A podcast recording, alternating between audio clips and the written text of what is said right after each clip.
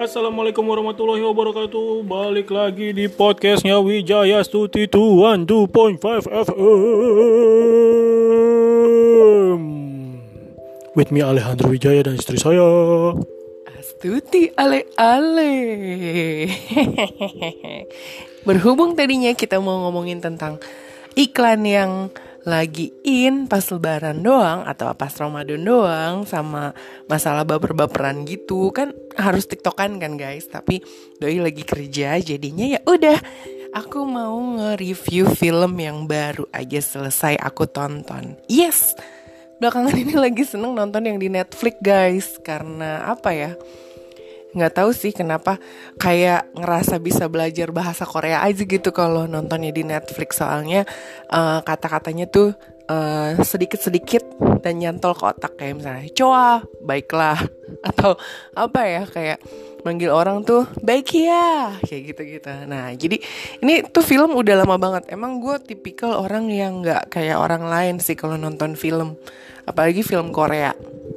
Jadi kalau orang-orang nonton film Korea itu nontonnya itu nonton yang paling terbaru gitu kan. Atau biasanya tuh kalau di Netflix suka ada uh, rekomendasi film terbaru yang banyak ditonton sama orang. Nah kalau gue tuh enggak, kalau gue tuh beneran scroll sampai bawah dan gue liatin nih pemain filmnya bagus apa enggak. Terus udah gitu, kira-kira alur ceritanya gue banget nggak ya gitu. Kalau nggak gue banget ya gue nggak nggak tonton gitu loh. Simple, tapi agak beda sama kebanyakan orang pada umumnya, iya nggak? Hmm, mungkin sepertinya setelah ini aku mau nonton uh, apa namanya Move to Heaven, Move to Heaven, karena jadi gara-gara ngelihat postingan temen aku tentang Move to Heaven, kayaknya seru gitu dan akhirnya gue jadi masuk ke Instagramnya Netflix. Oh, dia ngasih rekomendasi kayak gini tuh ternyata di net di Instagramnya. Jadi aku putuskan buat nonton ini setelah ini dan mungkin aku akan nge-review tentang Move to Heaven. Move to Heaven. Heaven? Heaven. Eh, nggak tahu deh yang bener gimana.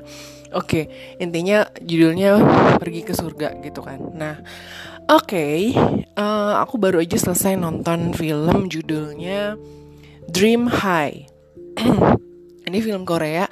Kayaknya uh, udah tahun 2011 sih udah lama dan apa namanya kalau menurut gue filmnya tuh hmm, klasik kayak biasanya tapi nggak tahu gue suka nih film yang model-model kayak gini nih di di saat di mana uh, pemeran utamanya tuh dibully dan kayak nggak bisa apa-apa tapi udahannya tuh mereka jadi orang sukses gitu. Uh, secara garis besar sih filmnya kayak gitu.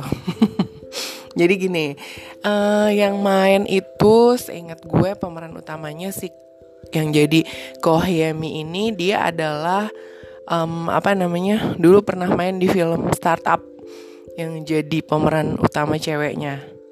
Lupa gue namanya siapa di di startup. Nah awal-awal kenapa gue suka? Karena ada dia tuh yang main di film itu. Dan didukung sama pemain-pemain lainnya sama jalan ceritanya yang menurut gue wah worth it nih gitu kan jadi nih oke okay. cerita dimulai dengan si Kohyemi ini bernyanyi klasik di sebuah pertunjukan dan ada temennya satu biasalah kalau orang artis terkenal maksudnya uh, biasanya dalam suatu persahabatan itu kan ada yang dominan kan ada yang lebih diturutin lebih di apa lebih diikutin kata-katanya kayak gitu. Nah si Kohyem ini lebih dominan daripada Yun Baekhi jadi ke mana-mana Yun Baekhi itu selalu jadi kayak asistennya dan dikatain sama teman-teman sekolahnya itu kalau mereka itu adalah eh kalau Yun Baekhi ini adalah ekornya dari Kohyemi tapi Kohyemi nggak mau. Dia bilang enak aja dia tuh punya nama. Jadi tuh dia nggak menganggap si uh, apa namanya Yun Baekhi ini adalah uh, apa sih asistennya atau orang nomor duanya dari dia gitu cuman emang Yun Baekhi itu kayak lo butuh apa? Gue punya. Lo mau ini selalu ada buat si Kohyemi. Kohyemi ini tadinya orang kaya banget. Rumahnya gede banget. Dia punya adik namanya Heseon. Nah, tiba-tiba namanya roda berputar kan dalam kehidupan. Ternyata si Kohyemi ini apa namanya mengalami bapaknya mengalami kebangkrutan. Jadi uh, semua asetnya itu diambil sama rentenir. Jadi bapaknya tuh minjem sama rentenir yang namanya Madusik. Nah, serentenir ini agak konyol juga sih, nggak kayak film-film Korea pada umumnya yang kalau nagih utang tuh dengan kekerasan, dengan uh, apa namanya dipukulin lah kayak gitu. Nah kalau dia nggak, dia berpikir anak ini si Kohyemi ini bisa punya kemampuan untuk namanya um, bernyanyi gitu. Jadi kenapa nggak coba dia suruh nyanyi nanti duitnya buat dia gitu kan sebenarnya lebih culas sih cuman maksudnya mainnya main cantik lah karena dia juga ngebiayain Kohyemi buat sekolah terus juga apa namanya antar jemput dan lain-lain kayak gitu. Cuman ibaratnya saat dia udah berhasil uangnya nanti dipakai sama si Madusik ini buat bayar hutang. Awalnya kepikiran aku adalah filmnya kayak gitu dong. Nah satu lagi nih yang bikin gue tertarik untuk nonton film adalah gue nggak bisa nebak udahannya kayak gimana. Itu yang bikin gue penasaran nonton bahkan bela-belain sampai begadang. Tapi kalau misalnya filmnya kayaknya ah nanti kayak gini nih nanti kayak gini gitu. Yang ada di pertengahan biasanya gue bakal scroll kayak kemarin gue nonton apa ya? Winter apa? gitu yang penonton apa yang pemain filmnya itu uh, dulu pernah main di Full House. Sorry guys sama ini. Apa namanya? Aduh yang terkenal banget tuh yang sampai nikah terus cerai lagi cuman berapa bulan. Aduh gue lupa namanya siapa tapi yang jelas tuh gue gue gitu orangnya yang suka lupa nama. Tapi gue inget mukanya nih pernah main di film apa film apa film apa. Udah bagus gue tuh tahu judul filmnya. Biasanya gue nggak tahu judul filmnya. Kadang juga nggak tahu nama pemainnya.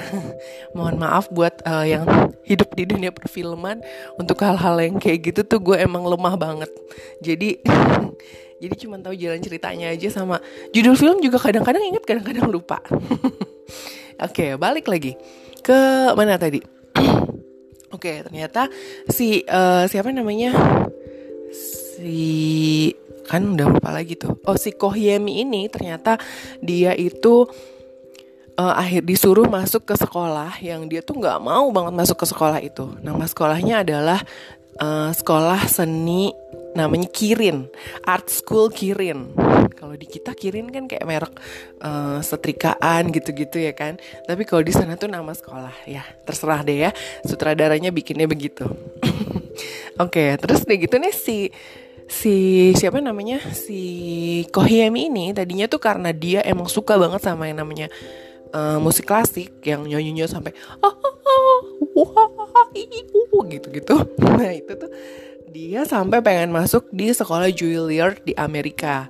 Tapi karena tiba-tiba ayahnya bangkrut, dia harus memupuskan semua itu karena si Madusik yang uh, ngasih utang ke bapaknya ini, si rentenir ini, ngasih kerjasama sama si Kohyemi untuk melakukan seperti tadi kamu masuk ke sekolahan art school Kirin. Nanti kalau kamu udah jadi artis uangnya buat aku. Dan utang kamu jadi lunas gitu kan. Tapi ternyata tidak semudah itu. Tidak berjalan mulus. Kohyemi sama Yoon Baek dua-duanya ikutan tes di Art School Kirin. Nah kebetulan biasanya di Art School Kirin ini nggak dibuka untuk umum atau pers untuk yang namanya apa namanya uh, untuk yang namanya ininya tesnya. Tapi sekarang tuh dibuka orang-orang umum jadi tahu oh dipilihnya tuh karena ini oh dipilihnya tuh karena itu gitu. Sampai ada satu orang yang dianggap dia tuh punya kayak apa sih six sense gitu buat yang namanya ngelihat orang ini tuh berbakat atau enggak. Nah, pada saat bersamaan Yun Baek sama si siapa namanya Kim uh, Ko Hyemi ini dia tes bareng, dua-duanya nyanyi wah kok udah pede banget nih. Gue bakalan masuk nih. Gue bakalan lolos. Gue udah nyanyi klasik lama men. Gak mungkin suara gue dibilang jelek di sekolah art kirin apa art, art school kirin kayak gini ya kan? Nah akhirnya begitu dia nyanyi dan ternyata yang lulus tuh bukan dia. Yang lulus itu ternyata Yun Baekhi yang dikatain sama teman-temannya sebagai ekornya Kohyemi marah dong. Dan sekaligus frustasi saat itu si Kohyemi karena gue bayar utang dari mana? Utang gue banyak banget. Bokap gue lagi malah kabur ke Amerika ya kan? Nah udah gitu dia mohon sama si uh, Pak Jungnya ini supaya dilolosin masuk ke art school Kirin. Hmm tapi yang namanya Pak Jung dia nggak nggak bilang dia bilang nggak nggak bisa. Ngapain kamu kayak gitu? Uh, mohon-mohon tunjukin aja keahlian kamu sampai akhirnya ada di tes tiga musik disuruh sebutin itu musik apa juga dia nggak bisa. Akhirnya dia nyerah dia kabur ketemu sama Jinguk. Ketemu sama Jinguk. Jinguk ini ternyata uh, apa namanya adalah seorang anak dari uh, apa namanya politikus. Ya anak haram gitu deh. Maksudnya kan anak haram sebenarnya ya tapi politikus ini pernah nikah sebelum nikah sama yang istri yang sekarang. Nah ini adalah anaknya dari istri yang pertama. Ayahnya tuh nggak mau kalau si Jing Uk ini tuh terkenal. Karena kalau dia terkenal orang jadi tahu kalau ini adalah anaknya dia. Dari hasil pernikahan istri yang dulu dan terus apa namanya nanti takutnya dijegal sebagai politikus nggak bakalan menang dalam pemilu. Mereka tuh sama nih pokoknya sama-sama senasib sama-sama uh, apa namanya ngerasa uh, lagi melo kayak gitu kan. Nah si Jing Uk ini tuh uh, dia ini kenal sama Ko Hyem ini udah dari kecil guys. Jadi karena nggak tahu ulang tahunnya kapan, nah dia pernah ketemu sama Ko Hyemi dan inget banget dan suka banget sama si Ko Hyemi ini. Oke, okay. next next next next si ayahnya Ko Hyemi ini tuh emang agak-agak ngeselin ya, agak-agak brengsek kalau gue bilang karena dia enak banget ninggalin anaknya uh, di Korea dalam keadaan dia berhutang sementara dia pergi ke Amerika.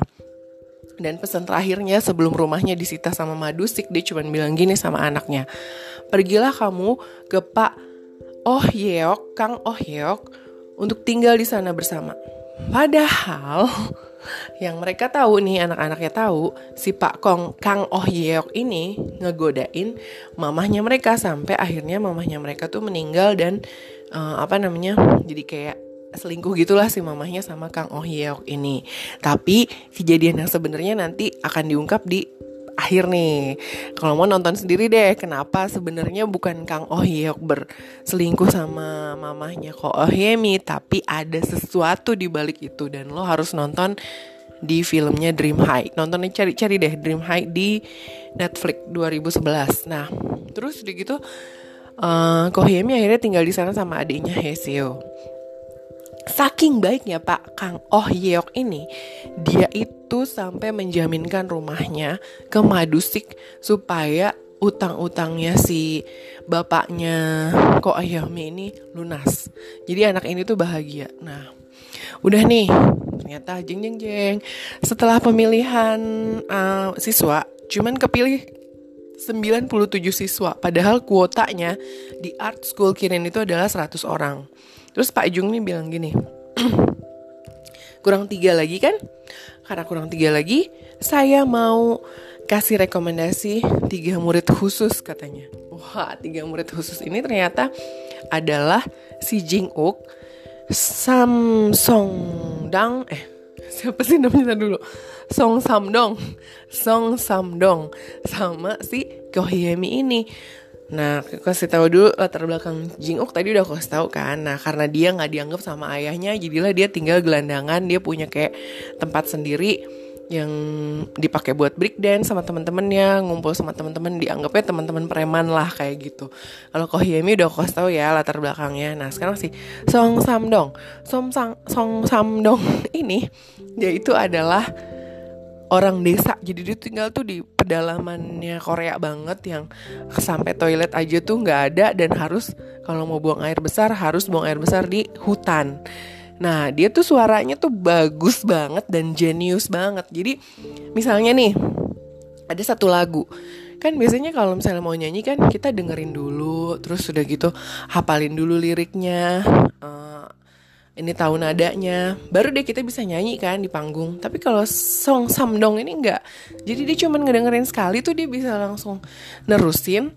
Padahal dia nggak tahu itu lagunya kayak gimana gitu loh. Hebat banget saking jeniusnya pun dia bisa nyiptain lagu dari nada-nada alternatif yang dia jago banget. Oke terus akhirnya dikasih tugas nih si Ko Hyemi untuk uh, apa namanya jemput si Song Samdong masuk ke sekolah art school Kirin. Sementara si bapak Kang Oh Hyok ini gimana caranya harus apa namanya pergi ke Jinguk supaya Jinguk mau sekolah di art school Kirin. Nah, perlu diketahui kalau Pak Kang Oh Hyok ini adalah guru yang paling tidak disukai di art school Kirin. Kenapa? Karena murid-muridnya nggak pernah ada yang jadi bintang. Hmm, murid-muridnya itu selalu uh, cuman satu, cuman dua gitu yang mau diajarin sama dia dan itu pun pas udah diajarin sama dia tuh yang ada bukan jadi tenar debut debut di TV atau lain-lain tapi malah ya udah lewat aja gitu nggak lolos nggak apa kayak gimana. Nah terus udah gitu si Pak Jung ini dia ini memperjuangkan si Kang Oh Hyok ini supaya dia tetap ada di situ dan memanggil guru satu lagi untuk jadi guru bahasa Inggris namanya guru Jin Man. Nah si Jin Man ini ternyata tadinya tuh teman sekolahnya si uh, siapa si Kong Oh Hyok. Nah mereka berdua tuh suka bikin lagu, suka konser, tapi ada satu masa atau satu momen yang bikin mereka jadi kayak benci satu sama lain gitu loh. Nah Udah gitu usut punya usut ternyata Pak Jung ini dulu pernah ngajar di art school Kirin dan ngajarin mereka berdua nih si Kang Oh Seok sama Oh Yeok sama si Jinman, Pak Jinman ini atau disebut dengan Pak Yang. Nah, ya udah deh. Jadinya uh, tahu nih kenapa mereka akhirnya dijadiin guru di sana lagi sama si Pak Jung ini karena ternyata saat mereka sekolah SMA Pak Jung ini minjem buku diarinya si Kang Oh Yeok. Di situ ada Dream High dia bilang e, eh, gue mau jadi guru di art school Kirin. Nanti yang jadi guru di sana tuh gue Kang Oh Yeok sama si Jin Man. Nanti gue mau bikin sekolah art school Kirin ini jadi sekolah yang bagus dengan murid-murid yang berprestasi dan lain-lain gitu. Berdasarkan buku itulah akhirnya si Pak Jung merekrut lagi Kang Oh Hyok sama merekrut Jin Man. Supaya mereka bisa mengajari tiga siswa istimewa yang dipilih langsung oleh Pak Jung tadi. Siapa? Ko Hyemi, Song Samdong sama Jing Uk. Nah mereka ini karena mereka adalah pilihan langsung Pak Jung, mereka dimasukkan ke dalam kampus jalur kampus biasa. Jadi ada satu kelas di art skin art school Kirin ini buat orang-orang yang dianggap nggak bisa nyanyi. Jadi dia masuk kelas kayak kelas biasa. Sementara kalau anak-anak yang dianggap ber, berbakat, mereka uh, ada satu ruangan khusus yang kayak kalau kita studio lagi zumba dan lain-lain. Nah mereka tuh di situ. Singkat cerita, pokoknya si tiga anak ini gak boleh pentas, gak boleh uh, ngasih tahu apa namanya bakat mereka. Padahal mereka tuh emang punya bakat istimewa yang keren banget, yang luar biasa banget. Nah, uh, apa namanya? Biasalah di dalam ceritanya itu nanti kamu bisa ngeliat gimana cara cerita tentang uh, apa namanya pertikaian antara Yun Baek sama si Ko Hyemi karena uh, saling kesel satu sama lain, saling ngejatuhin satu sama lain, bahkan sampai mau melukai si Kohyemi si Yun Baekhynya ini. Jadi tapi di di apa namanya dibantu sama Song Samdong akhirnya Song Song Samdongnya ini yang luka parah yang kena pot di di apa dilempar pot dari atas agak ngeri juga sih maksud aku uh, yang aku nggak suka di film Korea nih kayaknya kayak sedikit ngajarin apa ya ngebulinya tuh terlalu parah gitu loh yang lemparin pot lah yang ya kayak di film Penthouse juga kan ada tuh yang segitunya gitu sampai ada murid lain meninggal ya mudah-mudahan yang kayak gitu-gitu nggak ditiru sih sama penonton Indonesia apalagi remaja. Nah uh, seru juga sih di sini ada cerita kayak ngomongin tentang bingung milih antara Jing Uk atau Song Samdong si Kohyeminya ini. Nah terus pokoknya uh, singkat cerita di akhir cerita itu si Madusik ini akhirnya nikah sama kakaknya kok Kang Oh Hyuk. Kang Oh Hyuk nikah sama anaknya direktur si Busi. Terus udah gitu namanya Bu Si ya bukan Busi. Terus udah gitu Ko Hyemi sama Yun Baekhi jadi guru di Art School Kirin eh, Art School Kirin. Terus si Sang Song Samdong sama Jing Ok itu dia uh, terbang melesat banget itunya apa namanya uh, karirnya. Mereka bernyanyi di di apa ya tadi Emika Emika Entertainment Group gitu. Pokoknya jadi terkenal dan apa namanya nggak nggak nggak disangka-sangka deh. Maksudnya di sini tuh inti dari film ini bagusnya adalah kerja keras itu tidak mengkhianati hasil. Jadi kalau kamu kerja keras kalau kamu tahu tujuan kamu apa, impian kamu apa, kerjain. Insya Allah itu bakalan jadi nyata. Dan kita nggak tahu jalurnya, jalannya dari mana, tapi tetap aja terus berkarya. Oke, sampai ketemu lagi di episode berikutnya. Bye. See you when I see you.